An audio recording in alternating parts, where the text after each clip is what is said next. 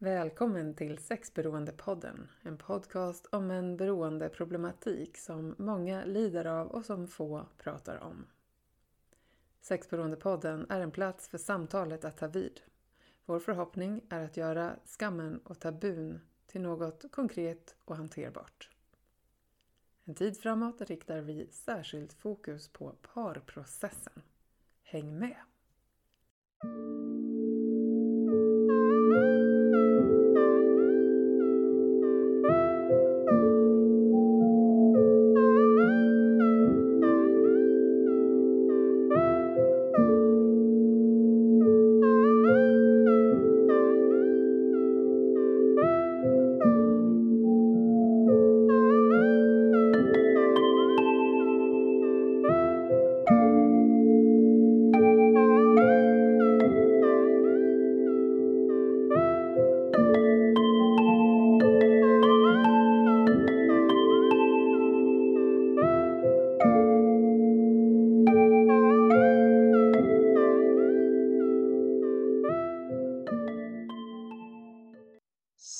Idag är det dags för oss att prata om den fjärde grundprincipen i parprocessen, Erik. Stanna eller gå. Men först obligatoriska frågan, hur är läget? Det är bra, det är bra Tove, det är jättebra. Jag sitter här och har det fint. Härligt. Solen skiner, säger jag bakom dig. Ja, det gör det faktiskt. Det börjar komma fram nu. Det har varit lite dåligt nu på morgonen, dimma och grejer. Ja, det är så. Här i. Visby är det soligt. Det är ju så det ska Jaha. vara här, vet du. Mm. Ja, just det. Du Erik, eh, det här temat som vi ska närma oss idag, beslutet att eh, stanna kvar i relationen eller att lämna. Det gav ju lite en eh, intro till tidigt när vi började spela in avsnitten att ja, det här ska vi återkomma till helt enkelt för att det är en viktig sak att verkligen skaffa sig en, eh, en grundning i beslutet oavsett vad det blir. Eller hur? Ja, just det. Det här är då den fjärde grundprincipen och eh, om jag lämnar till dig Erik att eh, förklara lite. Varför är det så viktigt att fatta beslutet på det sätt som ni föreslår? Ja, om man tittar på den här processen som vi har pratat om hittills så är det så att um, paret har hittat varsin forum för läkning eller tillfrisknande. Och eh, de har arbetat med de verktyg som finns för att lägga korten på bordet och vara ärlig. I det så har partners fått en viss upprättelse kunnat sätta i mannens sexberoende i, i ett sammanhang i deras eget liv. Mm.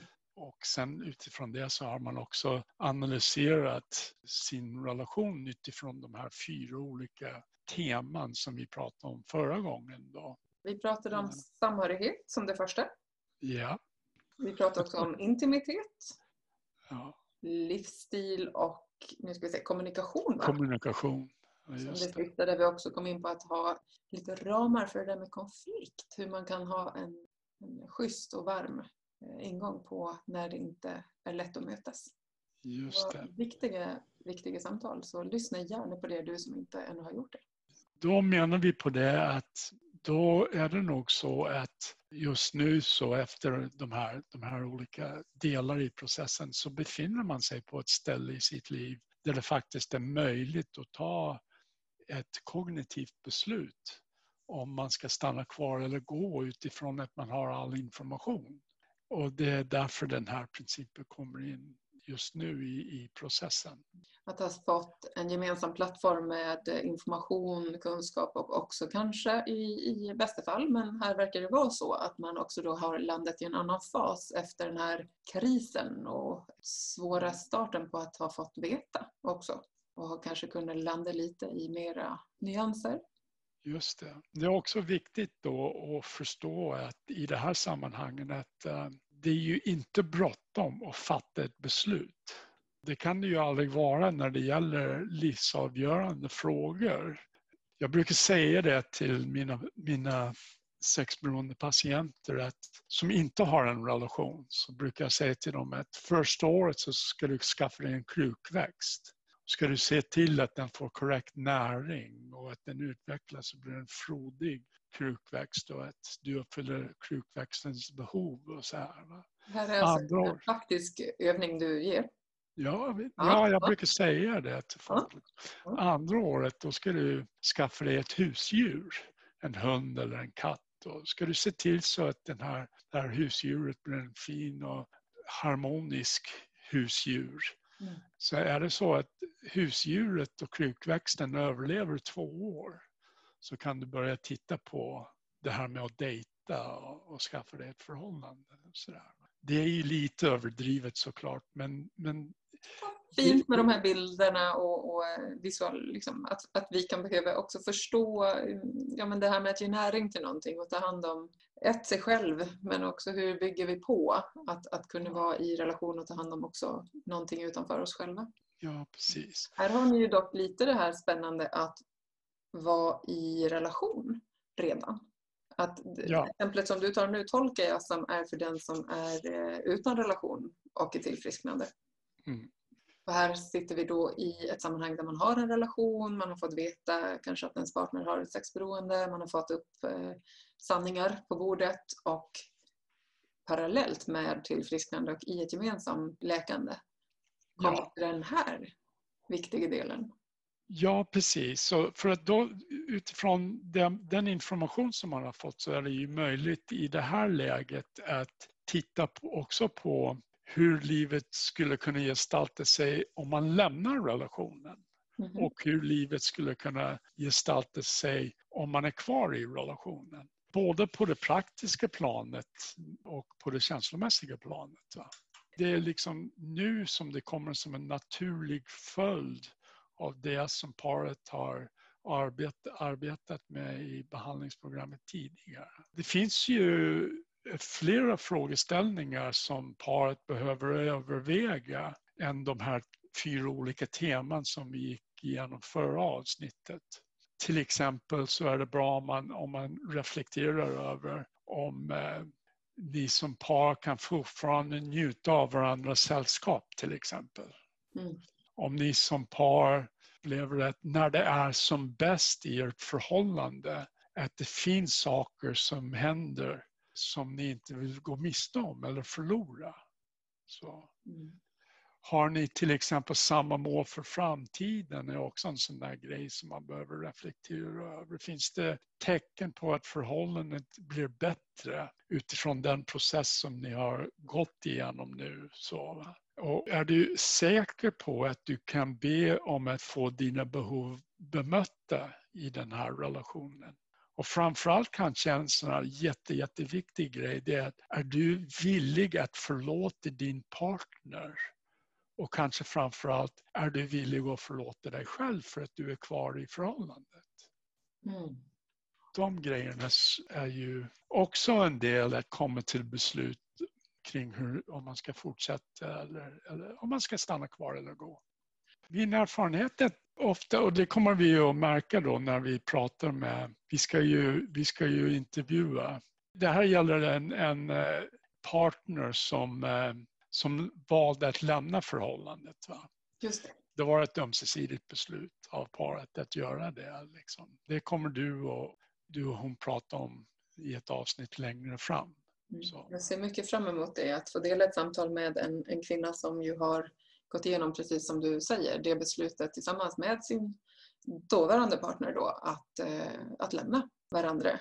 Men med, ja, gissningsvis då det ska bli spännande att få höra hennes vinkel på det. Men ett mm. grundat, som du kallar det, kognitivt beslut. Mm.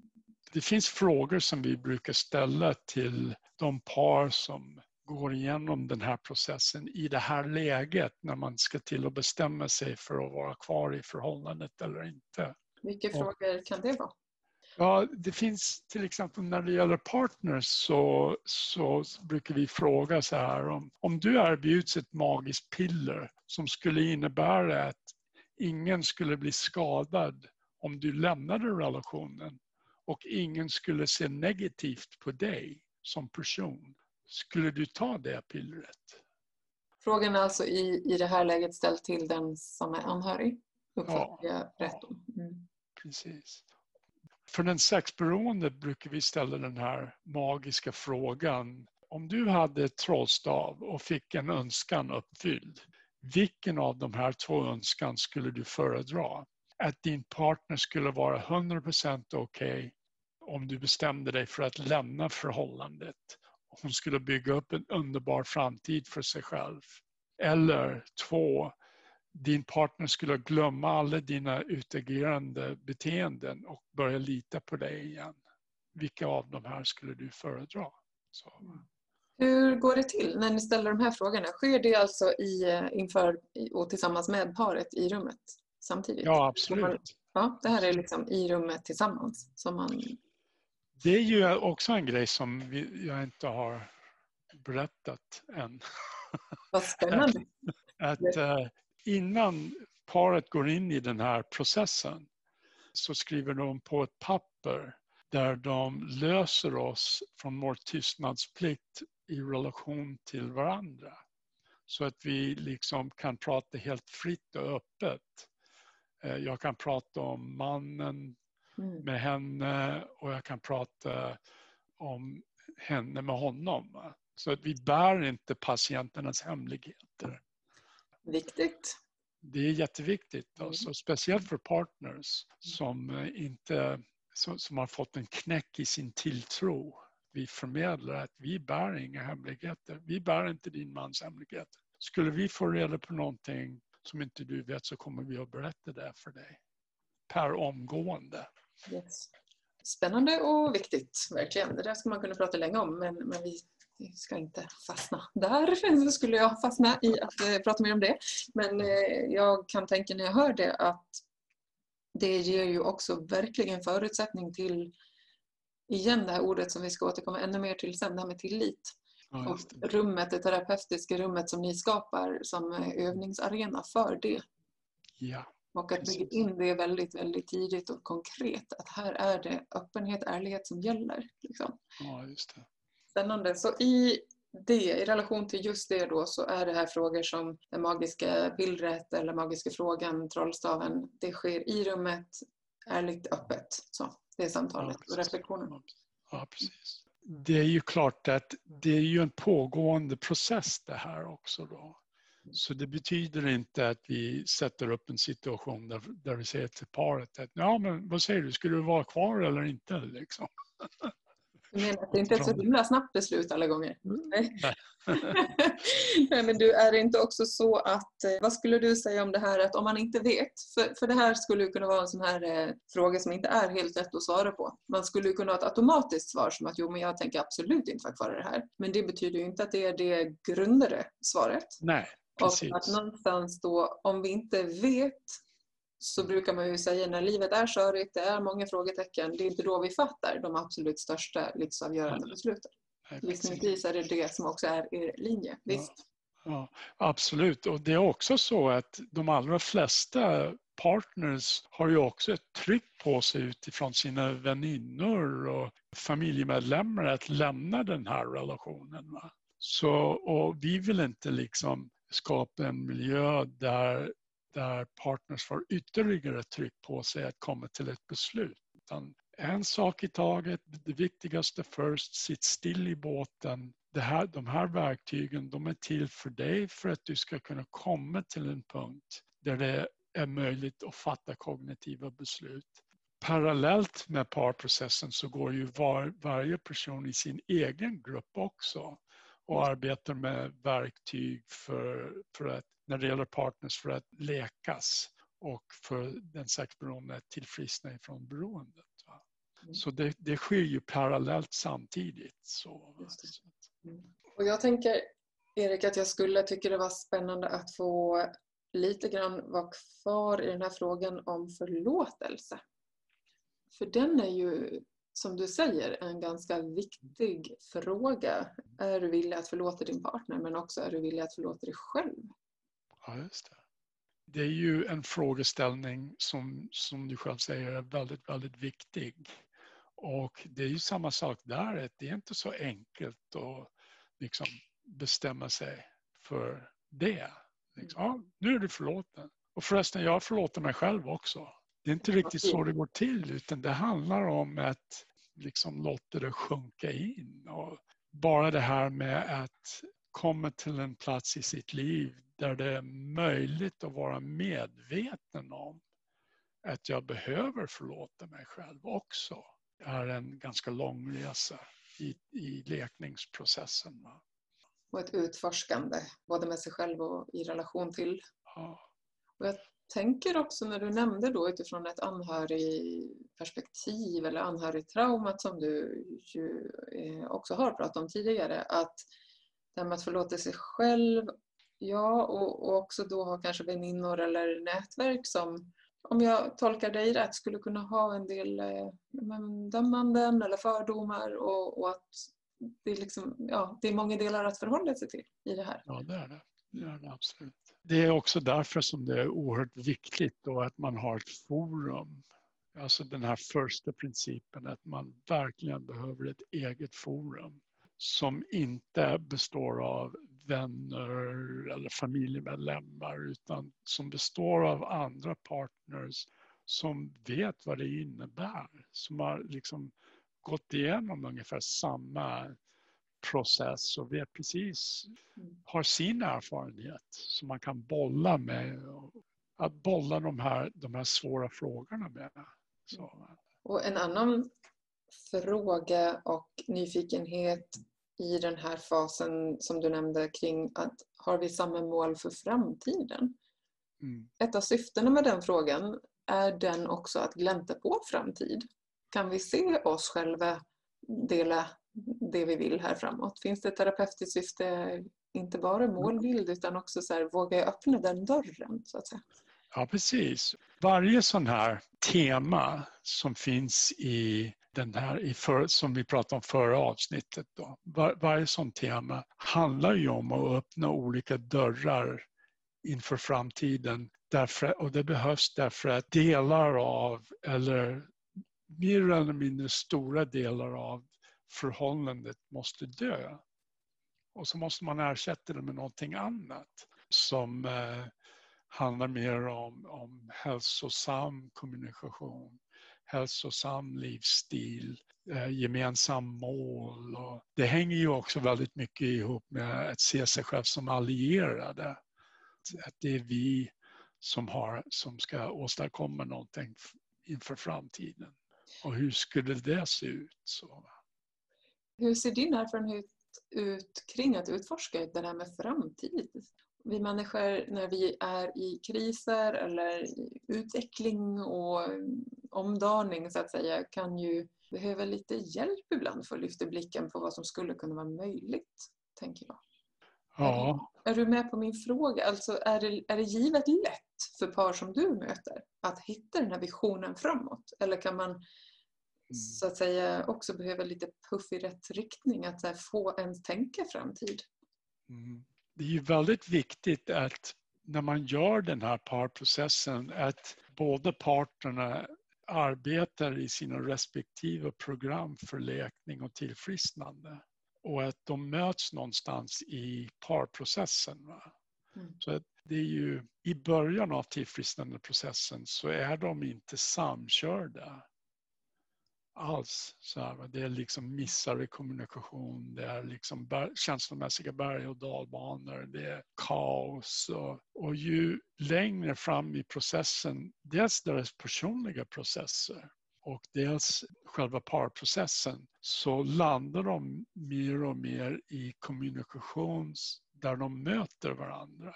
Det är ju det som alla de här verktygen är till för egentligen.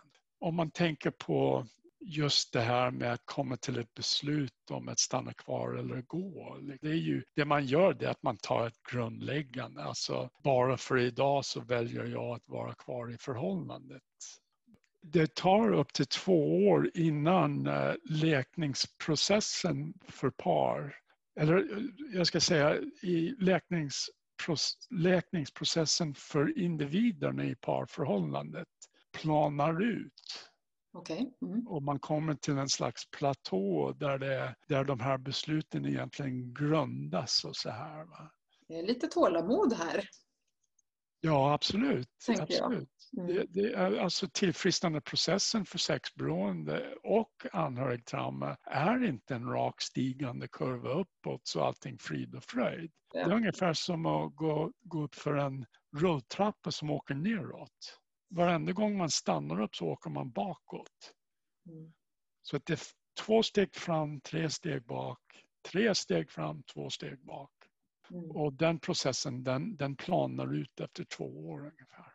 Viktigt att och kanske få höra det tidsperspektivet men jag tänker också när du ger liknelsen med rulltrappan så rulltrappor kommer ju gå men man kan ju också välja att fortsätta gå uppför eller liksom hitta sina, sina tryck i steget på något sätt. Eh, men det är nog en viktig sak det där med att stannar vi upp så ja, då är det lätt att backa bandet så att säga. Ja, precis. Och det här med att stanna eller gå. Om det är så Erik att någon dyker rakt in i det här avsnittet så tänker jag att det kunde vara lite spännande att höra om det är okej för dig att dela lite av det här med hur många det är av de som ni har kontakt med som väljer att stanna eller gå. Och då som sagt, igen förtydligande att det inte är mera rätt eller fel att stanna eller gå. Det är inte någonting ni liksom lägger er i utan bara att det är ett grundligt beslut. Vill du stanna? Fint. Vill du gå? Fint. Men jag vill minnas att du har sagt lite statistik på det här. Hur det ser ut hos dem som går hos er. Skulle du kunna tänka dig att um, delge oss? Ja, absolut. Det är ganska enkelt. Det mm. är 75 procent av dem som går igenom hela den här parprocessen som väljer att stanna kvar i förhållandet. Vilket betyder då att 25 procent väljer att lämna förhållandet. Mm. Men den statistiken den gjordes i en undersökning som vi gjorde för två år sedan. Mm.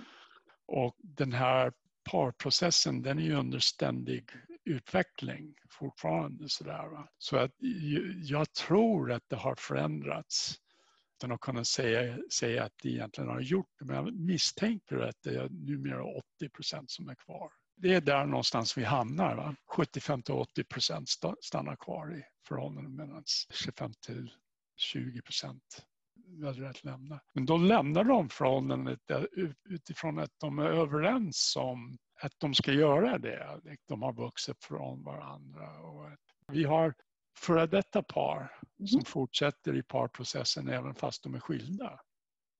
Det är spännande. Vad, vad, kan ett sådant tema eller den processen handla om då, om du kan utveckla det? Oftast handlar det om att um, göra klart det här med avslöjandeprocessen. Så om, om man liksom mitt i behandlingen har kommit till en punkt där man bara känner att jag, vi klarar inte av att leva ihop, det är bara ständiga bråk hela tiden.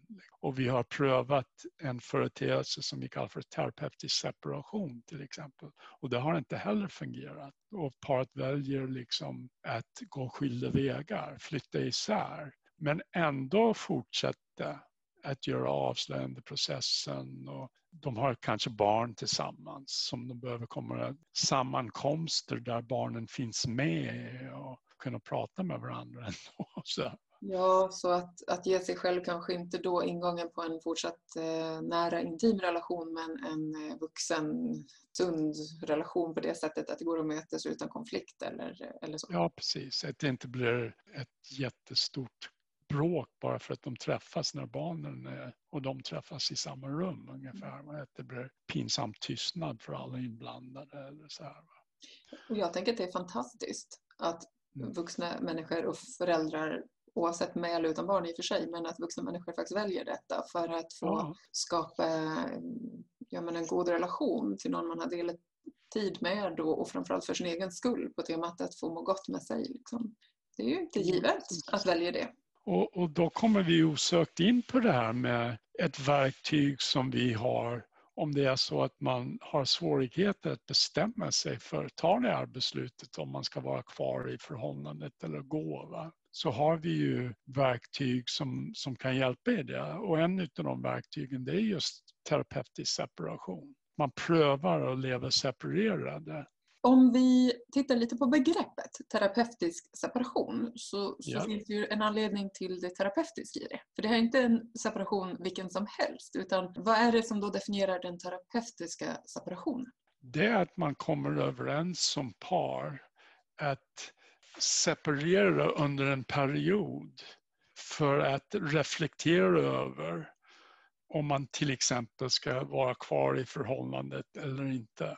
Så att man, man liksom skaffar sig en fredad plats som man kan vara på. Kunna ta ett sådant avgörande beslut. Så. Är det då också så att man definierar syftet, uttalar syftet med att... Absolut. Man uttalar, man uttalar ett specifika syften. Det kan vara olika syften för eh, olika personer i parförhållandet eller så kan det vara samma syfte.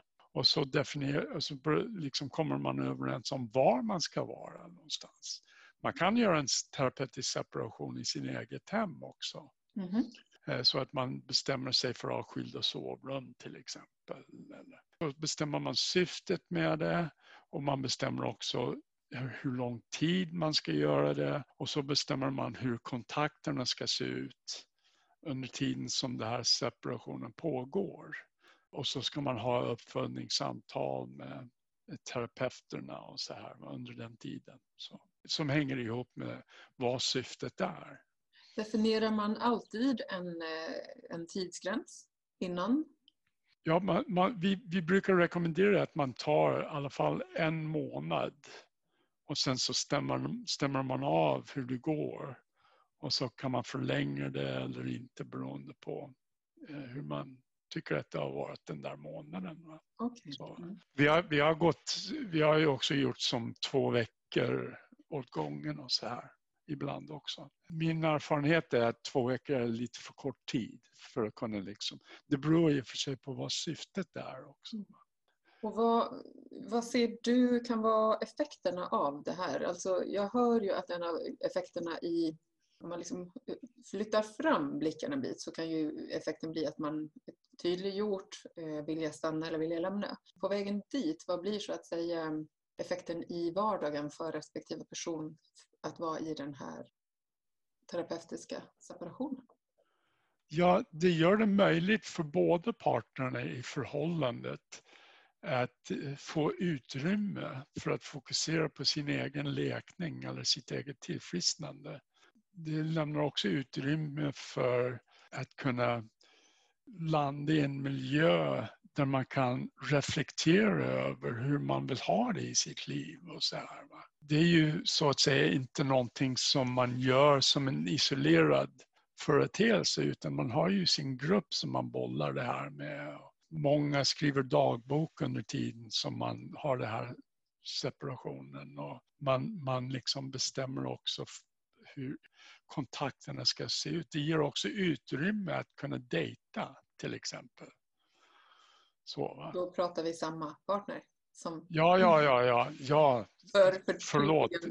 Eh, ja, precis. Vad bra att du säger Vad bra att du säger det. Det gäller Men... alltså för sin partner. För jag menar, om man, om man befinner sig i en vardag med, med sin partner och kanske inte har, ett, alltså det är ju stress och det är liksom göra mat och det är liksom sova och, och sen jobba och så här. Va? Så har man någonstans glömt vad romantik innebär. Så det, också, det kan också vara ett sätt att förnya förhållandet alltså, mm. och, och lära sig att dejta sin partner.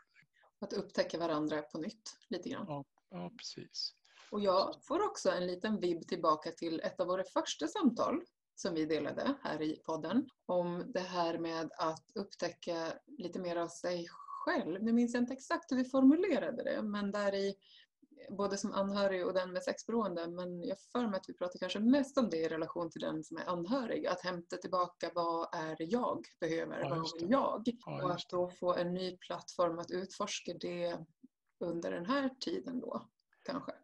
Just det, precis så är det ju. Det gäller ju för båda men det gäller i synnerhet för partners att mer eller mindre eh, som, som, som är väldigt vanligt då, att man blir bombarderad med frågor ifrån familj och släkt och vänner. Liksom. Varför är du kvar? Varför lämnar du inte förhållandet?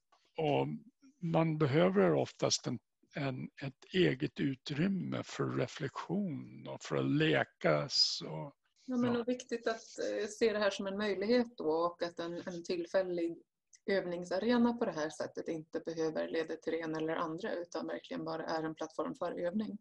Man måste ju bestämma hur man ska ha det i relation till barnen och vem som gör vad.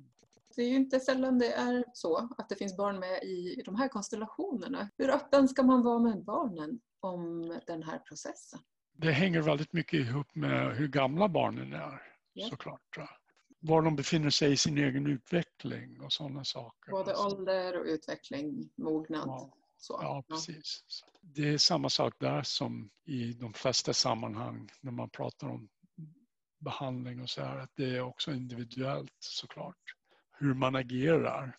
Det, det finns ju ett allmänt sån här förhållningssätt som vi har som, som handlar väldigt mycket om vilka man ska avslöja sig för om man är sexberoende och så. Men det gäller inte så mycket barnen. Det gäller hur man ska förhålla sig till familj och vänner och så här.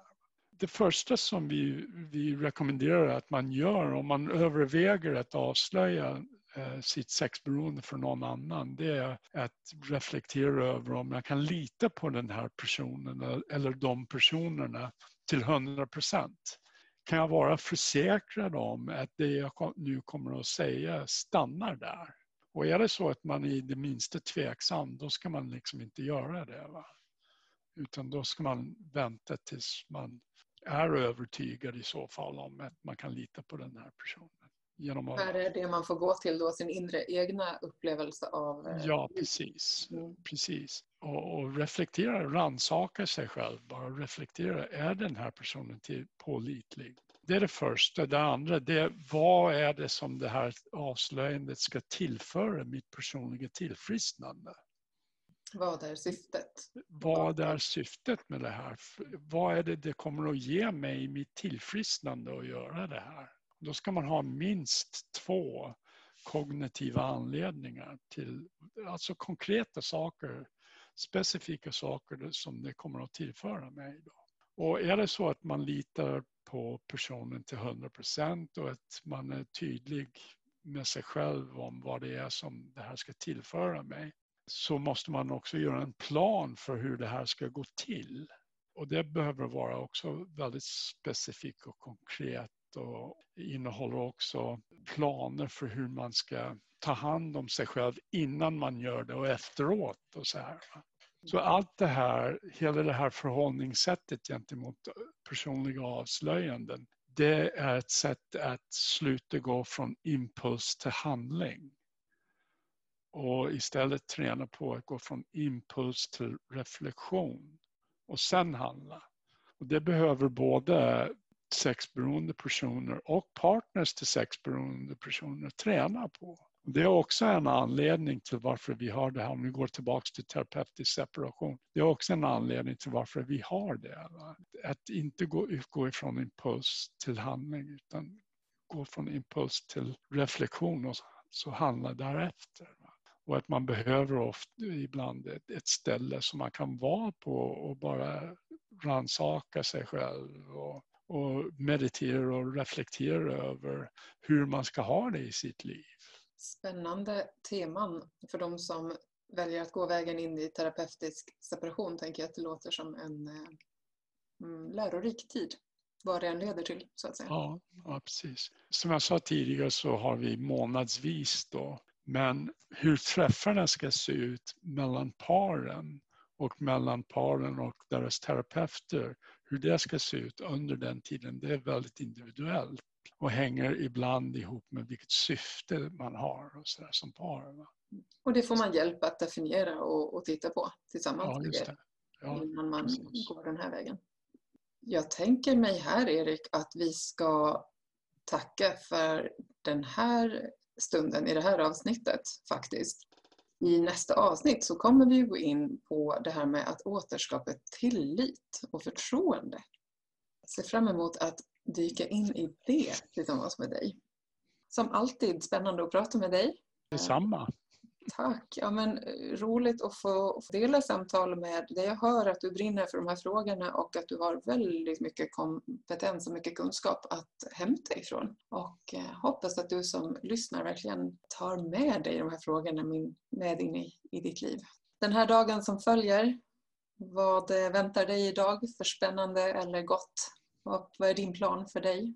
Jag har ju ett antal eh, patientsamtal som jag ska ta efter det här. Mm. Ehm, och eh, sen efter det så är det, det är ju fredag idag. Så det är fredag idag. Får du vara ledig i helgen? Det får jag absolut. Det är ju någonting som eh, jag aldrig gör avkall på, att vara ledig på helgerna. Då får jag önska dig en fortsatt fin helg och till dig som lyssnar också en fortsatt fin dag vart du än är. Erik, tack för idag. Du har lyssnat på ett avsnitt av Sexberoendepodden.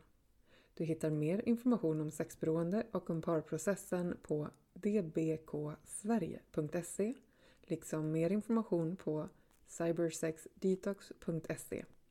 Du kan också kontakta Erik direkt. Använd telefonnummer 0733 095 533. Den här podden är producerad av Studio Popcorn för DBK Stockholm.